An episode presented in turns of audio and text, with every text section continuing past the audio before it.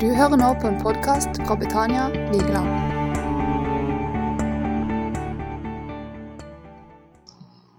Eh, Så eh, fantastisk å være her.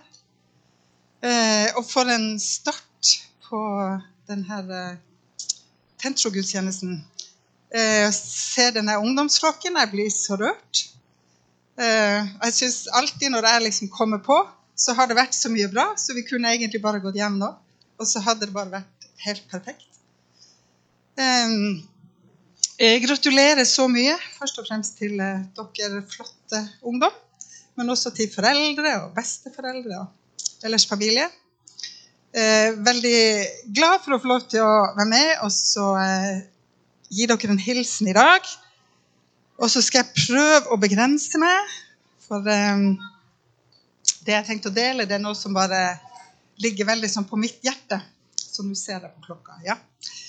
Eh, vi var ei uke i Hemsedal i slutten av april.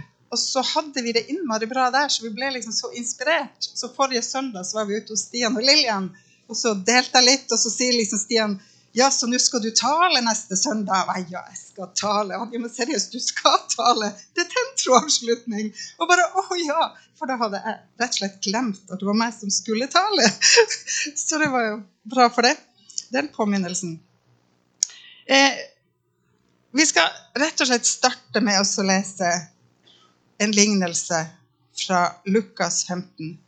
Og den har dere hørt så mange ganger. Og denne historien den er så veldig, veldig kjent. Jeg skal lese den fra Hverdagsbibelen. Og For mange så er det kjent som historien om den fortapte sønn, eller om den bortkomne sønn. Men i Hverdagsbibelen så er overskrifta 'En tilgivende far'. En tilgivende far. En mann hadde to sønner. Den yngste av dem sa til far, 'Pappa, gi meg den delen av eiendommen som jeg likevel skal arve.' Så delte faren rikdommen mellom sønnene og ga han det han ba om. Ikke mange dager senere så samla han tingene sine og dro til et annet land langt borte. Og der sløste han bort alt han eide, på fyll og fest. Og da han hadde brukt opp alle pengene, så ble det stor matmangel i landet der han oppholdt seg. Og så begynte han å sulte. Uten penger måtte han se seg om etter arbeid, og han fikk jobb som grisepasser. Han fikk så lite mat spise, at han måtte spise av maten til grisene, for det var ingen som ga han noe. Da han til slutt tok til vettet, så innså han hvor dum han hadde vært. Og så sa han til seg selv, til og med tjenerne hos faren min har mat i overflod, og her holder jeg på å sulte i hjel. Jeg vil gå hjem til faren min og si til han, pappa, jeg angrer på det som jeg har gjort. Jeg har sløst bort alt jeg hadde, og det var galt både mot deg og mot Gud. Nå er jeg ikke lenger verdig til å kalles din sønn, men jeg ber deg om å ansette meg som en av dine arbeidere. Så reiste han seg, han gikk hjem til far. Far fikk øye på han, på sønnen mens han fremdeles var langt borte, og han fikk inderlig medlidenhet med han. Han løp sønnen i møte, kastet seg om halsen på han og kysset han. Sønnen sa, 'Far, jeg har virkelig rotet det til. Jeg har sløst bort livet mitt.' Det var galt både mot deg og mot Gud. Jeg er ikke lenger verdig til å kalles din sønn. Men faren sa til tjenerne sine, nå må vi lage fest. Skynd dere å finne fram de fineste klærne vi har, og gi det til han. Sett ring på fingeren hans og sandaler på føttene hans. Lag i stand et festmåltid, for nå skal vi spise og være glade. Sønnen min var død, men nå har han kommet tilbake. Han hadde gått seg bort, men han har funnet veien hjem. Og så begynte festen. Eh, var ikke det altså en nydelig historie? Jeg tenker den, altså Det sier om Gud, eh, noe utrolig viktig om Gud, vår far. Og så sier den også noe viktig om far-barn-relasjonen. I 1. Johannes kapittel 4 eh, så står det at altså vi foreldre, eller vi kristne, da, altså vi skal gjenspeile Guds vesen i denne verden. Og vi som foreldre vi skal gjenspeile Gud som far for våre barn. Og så kan vi tenke at åh, åh for et ansvar, helt forferdelig. Ikke sant? Går det galt, skal nå jeg få skylda for det òg. Hvis jeg gir barna mine et feil inntrykk av Gud, liksom, skal jeg måtte ta det ansvaret? Men så kan vi òg se på det som for et privilegium. For et privilegium at vi som foreldre, som mamma, som pappa, at vi sammen kan gi barna våre sitt bilde av Gud. Sånn at når de kanskje tar gale valg Noen gjør jo det. Men tenk, så ligger det i dem at Gud er god. Hjemme er det godt. Og så kommer de til seg sjøl. Og så springer de hjem til farshuset. Vi er så heldige nå. Vi har to nydelige barnebarn. Og det, det skjønneste jeg vet, det er når de kommer springende til meg. Helt uten skam. Helt uten frykt. Og så får jeg sette meg ned og ta imot dem, og så bare hopper de inn i armene mine. For meg er ikke Gud sånn. For meg er Gud sånn. Og jeg bare ber om at de alltid skal få lov å komme til sine foreldre og komme Gud uten frykt og uten skam. Hun eldste hun er så nydelig. Hun blir fem. Og av og til så går det jo galt. Viltre barn. Det er jo ikke noe ondskap i det at det knuses litt, at et melkeglass velter, klærne revner. Og så er hun så skjønn. Kanskje er det for hun er litt uforsiktig i leken med lillesøster, og hun skriker. Så sier bare Lea 'Det går bra', sier hun. 'Det går bra'. Ja, det gjør jo det. Det går jo bra. Og så tenk når barna er uheldige, og de vet at de kan komme til mamma og pappa uten skyld, uten skam, uten frykt. Da begynner ikke de å skjule. Da begynner ikke de å lyve. For er det ikke sånn at hvis vi er vant til å bare få kjeft, hvis vi alltid er vant til å få en pekefinger, så når de vonde kommer på når vi blir eldre, så tør ikke vi komme til mamma og pappa. Da skjuler vi det. Og det som ikke var noe ment som noe vondt, det som bare var dumt, det kan bli fryktelig, fryktelig galt. Men i den lignelsen som forteller om den gode pappa, den gode mamma, men òg som forteller om vår gode Gud Når denne mannen kom til seg sjøl, så visste han jeg kan dra hjem til far. Jeg kan dra hjem til farshuset. Og han prøvde ikke å si at han ikke hadde gjort noe galt, men han visste det. At der hjemme der venter det en far, der venter det et hjem. Og denne pappaen Det var jeg som forklarte denne lignelsen på, på bedehuset. Og vi bare Ja, pappa springer mot gutten. Ja, det er klart, det.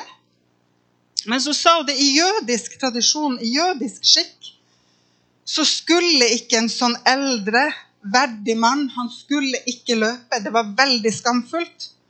Og denne gutten som hadde krevd å få arven før pappa var død, faktisk, det var òg fryktelig, fryktelig skam. Og var, Han skulle egentlig ikke ha rett til å komme tilbake. Han skulle ikke ha rett til å komme tilbake til byen og til hjemmet. Så denne mannen, når han ser gutten sin, så må han løpe. Og han, han blir faktisk gjort til skam. Han gjør noe som er så skamfullt, for han må nå først frem til barnet sitt og si altså, 'Du er min barn. Kom hjem.' For hvis ikke han hadde nådd først frem, så kunne liksom byporten blitt lukka for ham. Da kunne de eldste bare eh, kaste han ut. Han ville ikke komme hjem.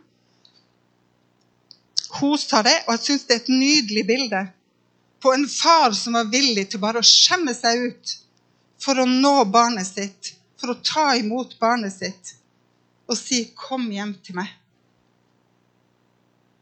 I Efesene 6 så sier Paulus når han taler til han sier, 'Jeg taler til dere barn'. Og så sier han òg 'Jeg taler til dere fedre'. Taler til dere foreldre. Skal jeg først si hva han taler til oss som foreldre. Til dere foreldre vil jeg si ikke oppfør dere slik at barna deres blir unødvendig provoserte og sinte. Vær kloke i deres råd og grensesetting, og la dem bli kjent med Jesus. Er ikke det nydelige råd til oss som foreldre? Vær kloke, vær vise. Men det står at vi skal gi grenser. Men fremfor alt la dem bli kjent med Jesus. Og så står det til dere barn, dere skal være lydige mot deres foreldre. Og så tenker jeg at det er jo så mye enklere å være lydig når det hviler på en omsorg, visdom og kjærlighet fra foreldrene. Når man vet at mamma og pappa har bare godt i tanke eh, for meg. Og da vil jeg bare si til dere ungdom Husk det at dere har et hjem å komme til, dere har mamma og pappa å komme til. Eh, når det er ting, gå til deg. Våg å tro på at dere blir tatt imot med nådige armer, åpne armer, kjærlige armer. Og til foreldre vil jeg bare si ta imot barna med nåde. Ta imot barna med kjærlighet. Og ikke påfør skam, for det er en gift som settes skille mellom oss, og som gjør at vi ikke tør å se hverandre inn i øynene og være åpne med hverandre. I 1. Johannes 4 så står det at fullkommen kjærlighet driver frykten ut. Eh, fordi at frykten den hører sammen med tanken på straff. Og det er klart at barn som er redd for å bli straffa, de skjuler seg. Eh, ja, de, de, de, tør rett og slett ikke å være ærlige.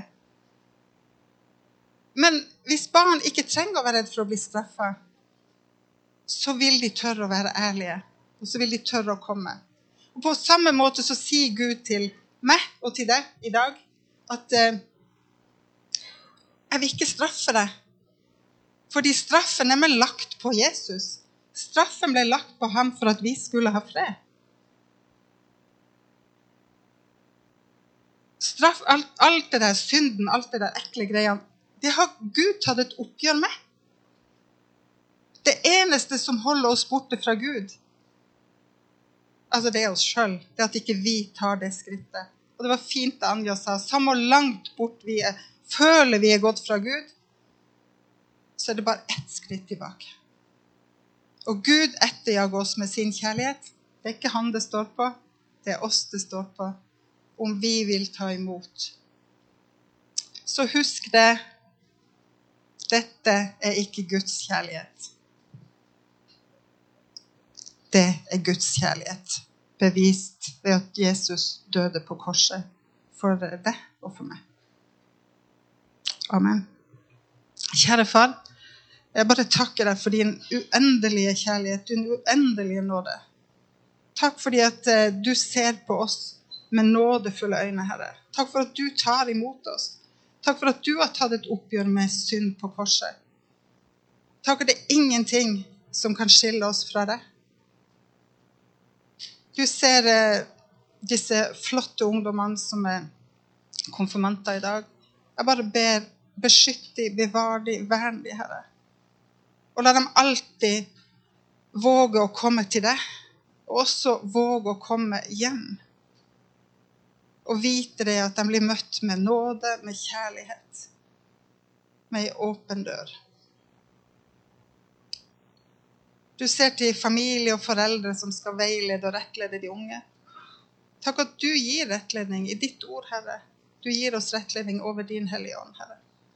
Og takk for at det er ikke noe fordømmelse, Herre. Takk at du gir oss en ny dag. Du gir oss nåde hver dag, Herre. I Jesu navn. Amen.